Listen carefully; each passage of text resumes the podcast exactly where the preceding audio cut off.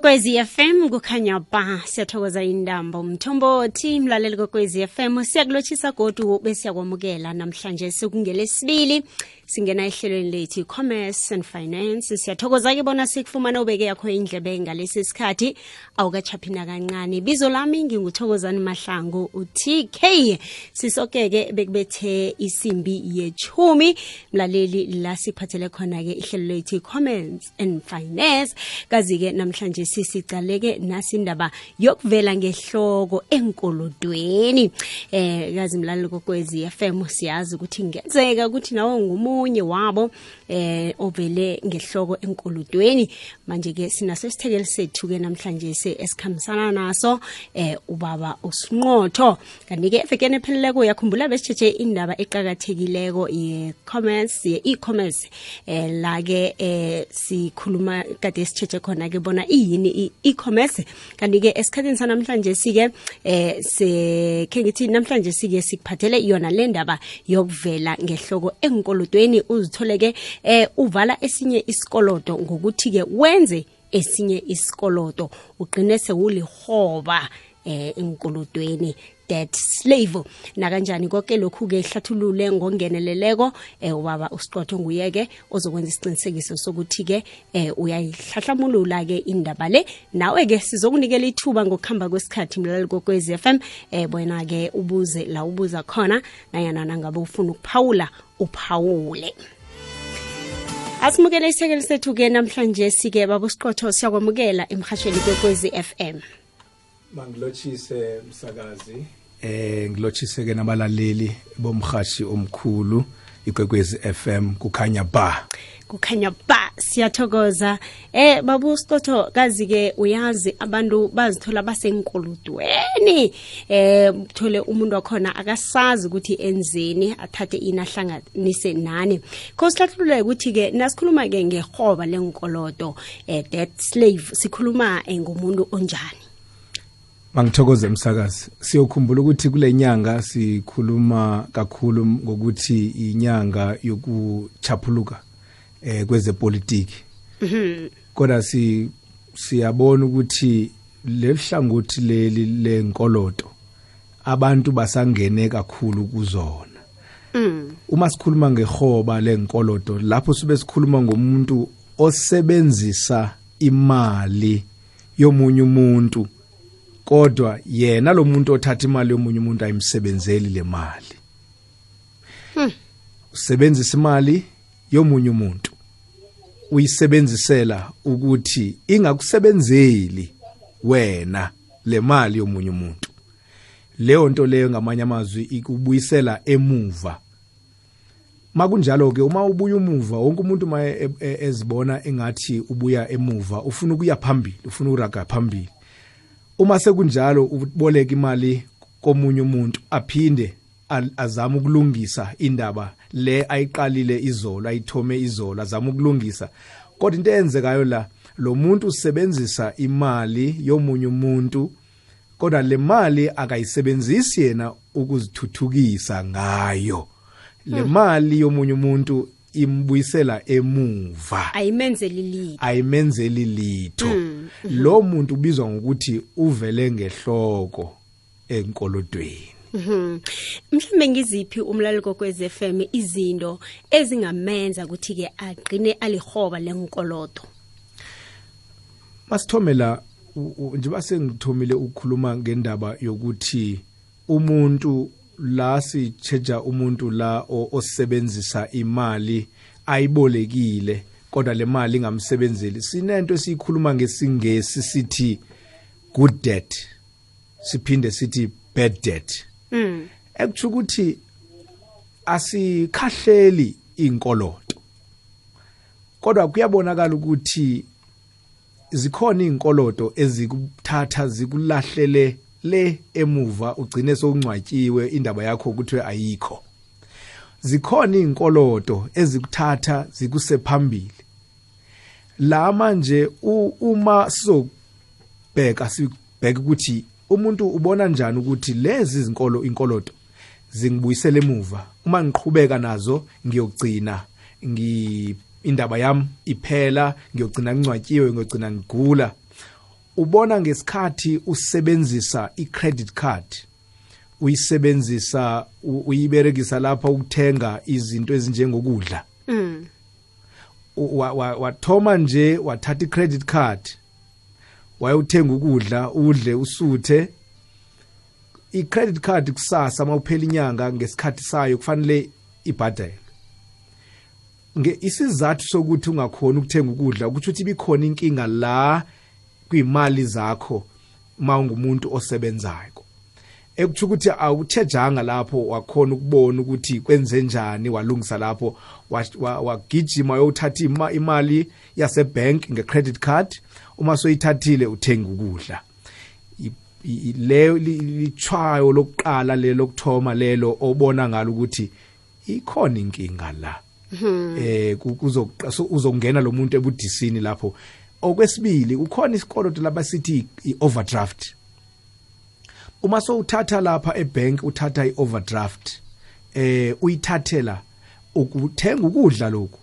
Ngitsho nokuthenga impahla ingubo lezi esizigqokayo. Eh uyithatha ngeoverdraft. Eh leyo nto siyakubonisa ukuthi ikhona into engakhambanga kuhle la enyangeni. Ukufanele ukuthi ucheja yona uyiyona oyi oyi oyi- oyi o- oqalana nayo ukuthi kwenze njani ngingakhoni ukuthenga ingubo zokwambatha? Kwenze njani ngingakhoni ukuthenga ukudla? Kodwa ngenxa yokuthi manje ngesizathu sokuthi ukudla kukho manje sekufanele ukuthi ukhambe uyobole uthathe i-overdraft uma ukuthi unalo facility ebank ngomnxa yokuthi nge- ngombani unale check account. M- mhlawumbe omunye athi cha ngizokuthatha i-credit card. Lithwawo lelo elibonisa ukuthi uma usebenzisa imali oyiboleka ebank uyisebenzisela ukuthi uthenga ukudla uyisebenzele ukuthenga izinto kusasa ongakwazi ukuzikhomba ni uthi ngenze lokhu nalokhu. Kanti okunye ngitho ne-personal loan eh, eh, eh, thokozana personal loan uma uyithatha ukhona omunye uma engayitholi le credit card engenayo le facility lesikhuluma ngayo ye-overdraft abone ukuthi cha awuwa ithi ngiye lapha ngiyothatha i-personal loan. Athatha i-payslip yakhe bam- ba- bacheje konke bathi hayi sokunikeza u-10000 ngalo ngeso sikhathi uzibona ngathi unayo imali kanti into ezakwenzeka la le mali uyithathela kuphela ukuthi ukhona ukuthenga ukudla ngoba igrocery ayikho. Mhlawumbe ngesisikhathi u- u- u- u- wenza- ubhadale ne-rent. Mm. Yokuhlala la la uhlala khona ubhadaleke irent kwenzeke zonke lezi izinto bokufanele ukuthi zenziwa ngemali oyisebenzako le mali oyiholayo manje zenziwa ngepersonal loan. Leyo nto leyo i- i- i- ibonisa ukuthi ikhona inkinga khona ubudisi umuntu a- aqalene nako okumfaka ezinkolotweni lapho la angazukuphuma khona ngoba lezi nkoloto lezi angena kuzo engenela ukuthi adle agqoke akhambe alale akumenzeli lutho. Kusho ukuthi-ke zinzathu ezingasebenziko zokuthi umuntu athathe isikoloto engekhe besimsebenzele. Kwesinye isikhathi-ke uthola-ke sidoselwa imtato kuthiwa-ke eh, nasi imali engaka ongakhona ukuthi uyithole. Awukahleli litho ukuthi imali leyo uzokwenzani ngayo. Kodwana-ke eh, babakufowunelako ebhankeni ukuthi-ke singakhona ukukuboleka imali engaka uhabele ukuyoyithatha ngezinye zezinto lezo engicabanga ukuthi-ke eh zingaba mraro ugcine sowulikhoba lenkoloto uma ungumuntu ongena plan ongena budget ongenalo uhlelo lwezimali zakho ngenyanga ukuthi zikhamba kanjani uma uthola umtato othi kuwe kunale mali enganga engaka ungayithola mhlawumbe 5000 10000 uma leyo SMS noma lowo mtato lo ukufica ukulenkinga yokuthi vele uyashoda u- ungena uvala amehlo lapho. Ungena lapho ucabanga ukuthi ubonwa uNkulunkulu nanku uphenduleka. Kanti uma le SMS lo mtato nje owodwa ukufica ungumuntu oneplan yokuthi mina uma ngingena esikolotweni angeke ngingene lesikolotweni ukungenela izinto engeke ngizikhombe kusasa. Ngeke ngingenele ukudla ngeke ngingenele ama rent ngeke ngingenele impahla lezi i- i- i- ingubo zokugqoka. Uma ukungena lo mtato ucela ukuthi kunemali enga- engaka ongayithola kubuya kuwe ukuthi manje oh mina ngumuntu oneplan vele imali le ingangisebenzela kanjani? Awukhambi ngale a- a- awu- awujabuleli le mali ngoba izofika ifike ibe seyisebenza izinto la ezingazukuhelebha ngazo. U- utsheja lokuthi uma ifike le mali izongisiza kanjani. So isikhathi esiningi ukuthi iplan ayikho. Lento siyibiza ukuthi i-financial plan ekuthiwa ngamanye amazwi i-budget. Ukuhlala phansi umuntu abheke ukuthi imali ezingenayo njengoba esebenza uma enginomholo owodwa ingabe mhlawumbe le mali mayingena imalini u- u- yiziphi izinto eziqakatheke khulu la ukufanele azenze eh, athome ngazo enze konke kubonakala imali esalayo. Ngoba lento engenisa ezikolodweni ungena ngokuthi iplan ayikho. Umuntu uyahola izinto zonke uzibambe la ngehloko ehloko uthi no ngiyazazi akabhali phansi. Isikhathi esiningi ke thina isikhathi esiningi abantu engihlangane nabo abathi hayi angibhali phasi. Angibhali phansi mina ngiyazazi izinto ngeimali yami yafana kule nyanga. Kanti lento yongabhali phansi uhlangana nento kusasa usoyayenza ngoba awunayo iplan oyibhale phansi okhamba ngayo eh o- o- waziko ukuthi mangaphuma la ngiyobe ngi angisahambanga ngeplan yami angisafikanga la ngifuna ukufika khona. Uma ungubaba ongayile esikoleni kodwa unengane la ekhaya eziyile esikolweni usebenzisa zona. Berekisela abantwana ukuthi bakufundise ukuthi ibudget ubatshela ukuthi bantwana bami ngicela nibhale lapha eh bawa nibhalele lapha phansi ukuthi ngizokwenza ukuthi kule nyanga nokuthi nokuthi imali engenayo inkuthi abantwana laba izingane zakho lezi ungathi hayi mina ngiyile esikoleni? Ngizobhala kanjani? Ubaba usinqodo ukhuluma ngendaba zokubhala ngizobhala kanjani? Ya baba sikode angikubambe lapho-ke. Khe siyokuthengisa sizokubuya kuthi sihlabele phambili ngenkulumo yethu. Eche ahake.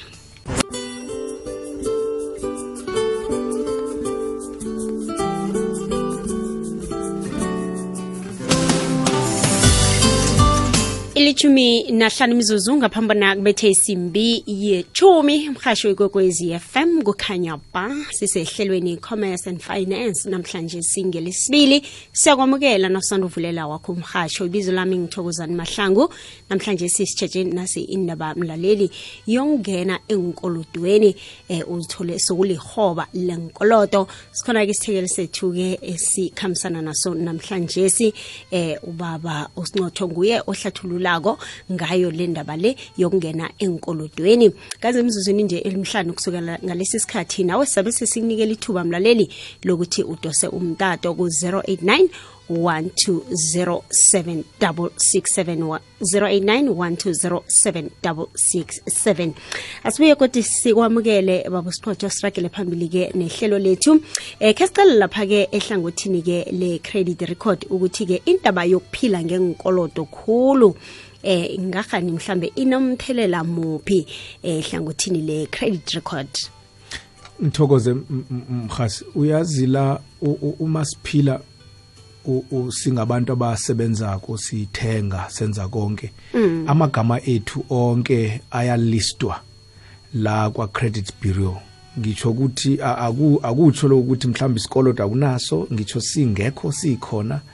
Eh kodwa kakhulu ke eh uma sewungena ezikolotini okanye sewunento ozithengayo kakhulu ngezivumelwano igama lakho liyabhalwa lapha yana ukuthi wena uyathenga and then une account kuphi kuphi ngitsho kuthiwa nje ubhadala kahle. Ubhadala kuhle nje inkinga ayikho. Ukulistwa lokhu ulistwa wonke umuntu ile credit ke okhuluma ngayo yokuthi ke kuzothi ngesikhathi kufika kusasa kuthiwa ufuna mhlambi ufuna ukuthenga indlu mhlawumbe ufuna ukuthenga ikoloyi mhlawumbe ufuna ukuthoma ibhizinisi kutshejwa manje indaba leyo ukuthi ungumuntu oyisebenzisa kanjani imali yakho ngokwezikoloto izikwe- izikweleti uziphatha kanjani uma uthenga ubuyisa imali uyibuyisa kanjani.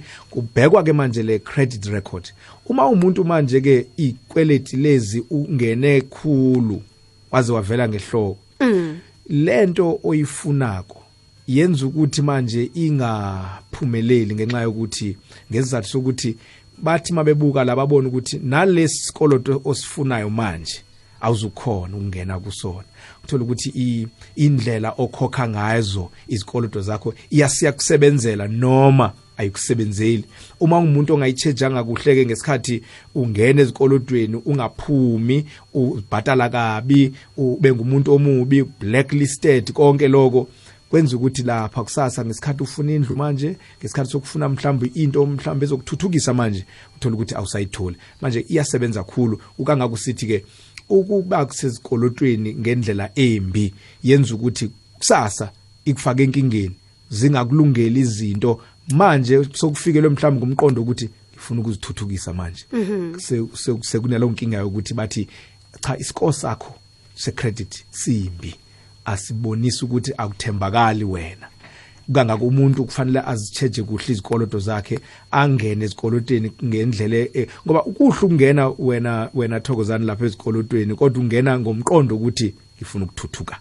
Eh awu- awuthathi nje inkolodo zibe ngu10 zibe ngu30 uthatha isikoloto esisodwa zibe zimbili mhlawumbi uzimanage uzicontrol uzilawule ngoba wazi ukuthi kusasa mabe mawufuna ungena kumkhakha ukuthi ufuna ukuboleka imali ngoba ufuna indlu mabebheka i-record lakho bebheka umlando wakho wezimali bazokhona ukubona lapha yana ngoba uma ungekho kule system bengakubona ukuthi uthenge kuphi ungene kuphi kugcina mhlawumbe besithi hayi asikwazi wena ukuthi umuntu onjani ngenkoloto.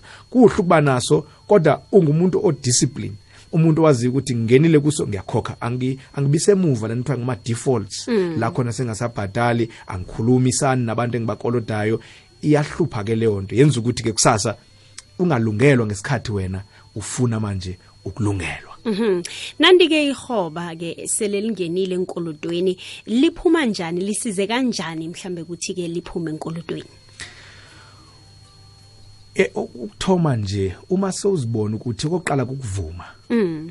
ukuvuma sikhona leyo nkinga yokungavumi nokuba namahloni ngicabanga ukuthi ngesindebele ngikhuluma kuhle mangithi amahloni u- ungafuni ukuthi labantu osebenza nabo bazi ukuthi usenkolodweni mm. abantu ofunda nabo mawusi student leso se university ngafuna ukuthi ungene ezinkolodweni ngoba uphuma nje esikolweni e-university so uphuma nenkolodo ezingaka Mm. Awufuna isizo usaba ukufuna isizo lokuthi ungaphuma njani ukuvuma kuqala Mm. Kodwa ke hayi ukuthi uzovuma uthathe ispeaker uvume lapha eh ngombhobho lapha Wonke phansi. umuntu, mm. khona la kufanele kuvume khona.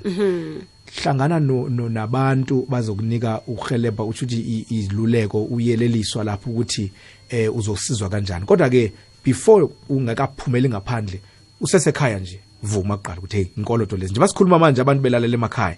Babone ukuthi ngivele ngehlo lezi kodwa zingisizi azingihelebhi ah ikusasa kufuneka uqale i- indaba le uyibuke nge- ngenyiso uthi ngiyavuma. Okwesibili ke ube sokuthatha ukuthi hamba uyobheka ukuthi zingakhi ikolodo zabo lento yo- yongafuna ukubhala manje seyaqala ukuthi uya- uyathoma manje ukuqala ukuthi mangizibhale. Ubhala manje uliste zonke lezi kolodo uma zingu-30 uzibhale ziphansi zongu-30 uma zingu-3 uzibhala zongu-3 bese ubuka ukuthi imalini okufanele ibhadalwe la. Uma sokwenze kanjalo zama ukuzibhadala. Uma ungakhoni ukuzibhadala hamba uye lapha kwinkampani le oyikolodayo. My personal loan my bank insurance umuntu omkolodayo. Ngoba sikolodi kuphela ama-institutions lapha amabhenki nabantu siyabakoloda thola ukuthi asas- asisangeni kulesi strata asisangeni kulesa strata lesiya. Ngoba si indaba yokuthi thathela nepasa into ezinjalo hey. kukhona ama-cash loan lapha eh, eh, ama-sharks ngapha ukhona. Kusho ukuthi lapho la ukoloda khona uyokucela ubawe i- wenze lento kuthiwa i-arrangement uma unga- ubona ukuthi angeke ukhone wena ukubhadala le mali abayifunayo uyokucela lapha. Wena umselufa manje uziyela nje ngeenyawo zakho ucela ukuthi ngicela ningiphungulele kancane iy'nyanga ezimbalwa. Ya kunokuthi unandi udrop ama-calls. Ungadrop ama-calls. Ungabalekile ama-private numbers. Ugijima uye lapha nokuthi ngicela ningihlisele lapha. Ngica- wazi ukuthi-ke uma yehlisiwe le mali kwesikhashana mhlawumbe izokhuphula ama-interest kodwa akufani nokuthi u- ubalekile manje akusekho la. Okwesibili lokho ngoba kokuqala ngithe vuma. Okwesibili ube sowuyibhala phansi yonke lento ube ube sowuthatha ke inyathelo zokuthi uma ungakhona ukubhadala ngokwendlela obhale ngayo uye wena ngeenyawo zakho. Uma laleyo ingasebenzi sewuthatha manje ukuthi oh ngiyile lapha kwinkampani hayi akusebenzise kunjalo.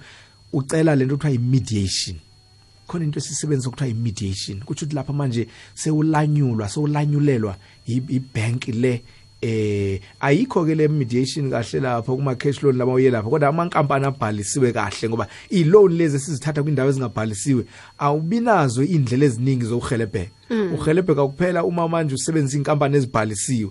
Uma le nkampani ibhalisiwe kunento okuthiwa esemthethweni okuthiwa i-mediation. Angithi manje u- ucelile wena ngomlomo wakho kwathi ngicela ningihlisele akulungi. Manje ucela imediation bayakulungiselela babheke inkoloto bahlise lapha eh ku- ku- kuthiwe umuntu kwi-mediation process. Lapho baza kulungiselela khona bakubhekele ba-charge izikoloto zakho kuthiwe ke bhatala le mali isikhathi esinga. Uma i-mediation ingalungi ekugcineni sewu-aplayela lento kuthiwa i-debt counselling yonke lento indlela yokukhipha wena kuphi enkolodweni. Kodwa uyangibona ukuthi angiqalanga nge-debt counselling ngoba uma si si- si- sithoma ngokuthi qala thoma wena ngendlela zakho uyilungise le ndaba wena. Ngoba uma uqala lapha kwi-debt council khumbula kune-charge kune-fee ozoyikhokha laphayana. So asifuni ukuthi thoma lapha kwi-debt counselling zama indlela wena zokuthi uziphumele wena ngokuthi uye enkampanini. Uma ungaphumeki uzame i- i-consolidation sorry ngifuna ukuthi mediation khona la ngaphakathi. Uma le mediation ingalungi ngoba i-mediation izofaka nendaba zokuthi uconsolidate lezi nkoloto zakho. Ngesinye isikhathi. Uconsolidate ke uboleka imali ezoba yiyodwa isamba esithize. Uboleka enye godi le imali. le mali uyayiboleka manje uboleka ukuthi manje ukwenzela ukuthi zingabi ningi ngoba ziyakuhlula manje nje baziningi nje. Ezinye uyazikhohlwa uzibhatala ezinye awusazi ukuthi imali ni interest enye uma siyi1 lesikoloto manje kodwa ufuna ukucharge interest lapho ungabi worse. Ube kwindlela embi kunakuqala ubheka ukuthi bengikhokha interest engangani ngaphambili. Manje mangina kule consolidation mangihlanganisele inkoloto zonke ngizokhokha imalini. Sihlanganiswe manje izikoloto isikoloto singu-1 interest singu-1 ukhokha lapha ke i-consolidation leyo. So ukuthi ke i-mediation consolidation azilunganga so uya kwi-debt counselling ke manje zikhona ke zilawulwa yi-ncr national Cons eh, eh, eh, Cons credit regulator. Manje i-national credit regulator icontrola lama-debt counselors abhalisiwe. Uyakwazi ukufonela lapha kwi-national credit regulator ukuthi ngicela i-debt counselor ukuze ing- ingihelebhe kanti nala sikhona mhlawumbe la edorobheni la ukhona uyakwazi ukubuza ukuthi ukuthi ama-dead counselor akuphi la khona azohlala nayo phansi. So uya kunefike ozoyikhokha laphayana kodwa-ke zindlela zokuphuma-ke lezo zonke sithoma kuleyo ukuthi uziqala uzibheka wena ube soyofika lapha kumankampani-ke mediation consolidation ube souya nakwi-dead counselling mm -hmm. khe sidobhe umlalelo wethu emtatweni khe sizokuthi yena ngimuphi umbuzo anawo malapha-ke eh, nokuvela ngehloko engunkolodweni 089 120 ku-67 sikhambile kule nesikhathi sethu umlaleli kokwez f m. Eh sizokudobha umlaleli. Siyakwamukela kwande? Ikwekwezi? Akwande kunjani? Oh, Sikhuluma nobani kuphi? Uthini umbuzo wakho? Alright no baba sikhozo asiragele phambili ke eh sicheje ke ukuthi ke nasele ke eh uthola i-counseling eh, kwenzakalani lapho ke bakusiza ngani? Lapho ke i-debt counselling ke manje yona iku ithi iyaku- iyakulawulela lenkoloto bakhulumela futhi nalama company owakolotako bakukhulumela ukuthi indaba yabo indaba yakho mayiqhamuka ngakubo inamandla. Bazokukhulumela ku inkoloto zakho zehliswe installment ngoba yiso lesi sikukhamako nje uvele ngehloko ungasakhoni so so uvala ngokuthi manje uboleka komunye ukuze ubhadala omunye. Manje i-debt counselors noma i-debt counseling izokuhelebha ngokuthi ba bahlisa ikoloto installment i-premium lezo ubuzikhokha zehle zibe mhlawumbe sifike naku 50% kanjalo. Okulandela lapho ke ngesikhathi ula kule debt counseling kufanele umuntu azi kahle kuhle ukuthi akuphindi manje uyothatha esinye isikoloto. Ngesikhathi ulaphayana uvalelekile ukuthi ukhambe uyokuboleka imali zokuthi ufuna ukuboleka im- i- i- sorry ufuna ukuboleka Ukuvala imoto inkoloto. sorry ufuna uvala ufuna ukuboleka imali ufuna ukuthenga imoto eh, ikoloyi noba ufuna ufuna ukuthenga mhlawumbe impahla noba ufuna ukwenzani A- a- awusakwazi ukuboleka manje. Noba ufuna ukwenzani ude kudlule le process ongene kuye debt counseling. Into okufuneka uthi mawungena that's why sibeke ekugcineni. Ngoba njengoba bekhe sakhuluma la ngokuthi sizibona kanjani izinto ezimbuyisela emuva umuntu sazibeka lapha uma credit card overdraft ezisebenzela ukudla. Zikhona izinto ezibonisa ukuthi umuntu uragela phambili ngenkoloto. Uma ethatha isikoloto umuntu ethenga indlu lendlu ithengele ukuthi uzorentisa ngayo ethengela ibhizinisi lendlu. Ngisho noba uzakwenza ibhizinisi khona kule ndawo. Lo muntu lo le le usebenzise isikoloto ubolekile imali. Kodwa le mali eh uyayisebenzisa ukuthi imsebenzele. Ayiphumi kuyiphuma kwibhizinisi. Leyo ndlela enjayo isikoloto esihle leso. Nemoto siye sithi kubantu abatsha abantu basaphuma esikolweni imoto yakho yokuqala yokuthoma ingabe imoto yokubukwa ni imoto yokubona ukuthi wena uya uyasebenza manje. Imoto yokuthoma maybe imoto ezokufaka imali. Esibili imoto ikolo yakho ithengwe yile yokuqala. So imoto yokuthoma imoto yokufaka imali. Esibili ithengwa yile moto yokuthoma. Ngoba le yokuthoma ima- i- imo ikoloyi manje uye wayisebenzisa ekuthini ngizokwenza kanjani ukwenza imali ngekoloyi yami yokuqala yokuthoma uma ngisebenza?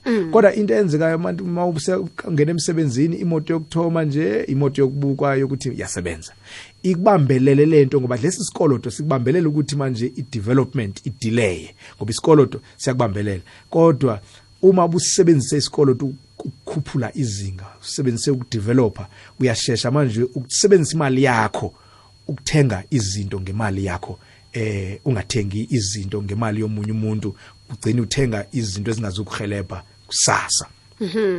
Sele sizoyisonga-ke ikulumo yethu. Ingakhani mhlambe ukuvela ngehloko enkolodweni kuyawuthinda um umsebenzi akho nayana kungenza bonyana-ke kwamanye amakampani ungakhona bona uthole umsebenzi? Maningi. Uma sowufuna umsebenzi masithi la ukhona mhlawumbe usafe ngoba aba- abacheji indaba yakho ukuthi ukuhamba kanjani. Kodwa kukhona indlela eku-affecta ngayo lapha emsebenzini eh, uma unenkoloto ngoba indlela uba ngayo uba negative.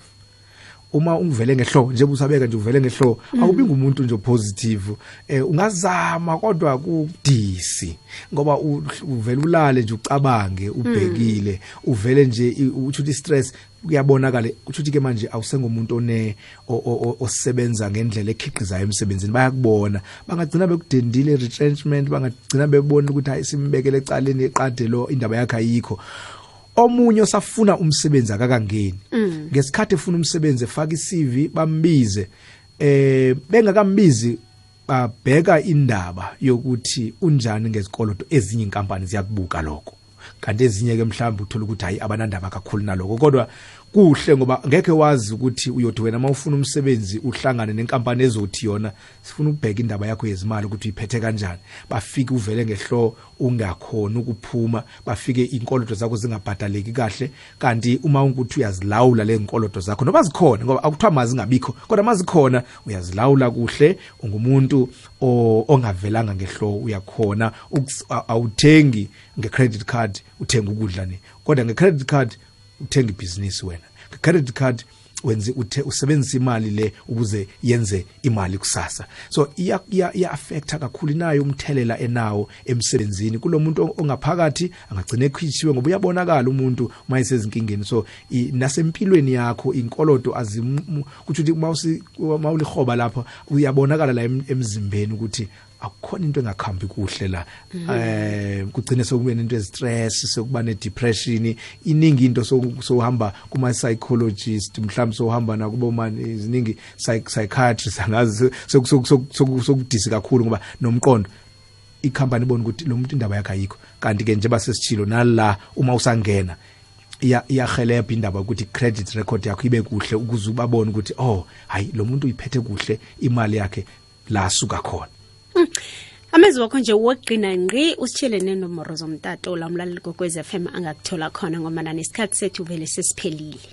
Amazokugcina ngqi ngathi nje kubalaleli bamavume bangahlali ekhaya umuntu esazi ukuthi indaba yakhe yenkolodo ifike la khona imhlula khona akasakhoni ukuthenga uku- ukudla ngemali yakhe akasakhoni ukuthenga impahla izambatho lezi ngemali yakhe.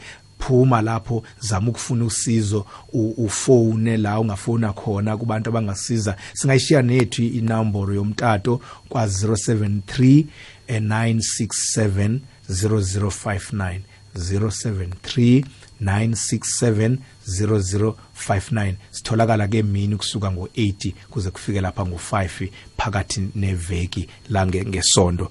Kwamambala ke nathi siyathokoza kakhulu bala kwigwekwezi FM kukhanya ba Thokoze khulu eh thina ke baba siqotho sithokoze khulu nelwazi osiphe lona namhlanje sisithemba ukuthi ke lizwakale kuhle endlebeni zomlaleli kwekwezi FM sinqanqabeze nokho ke ke ngesithola isikhathi esaneleko sokuthi sidobe umtatu wakho umlaleli kwekwezi FM kodwa na ke isikhathini esisako siyakuthembisa bona na kanjani sizakwazi ukuthi samukele umtatu wakho.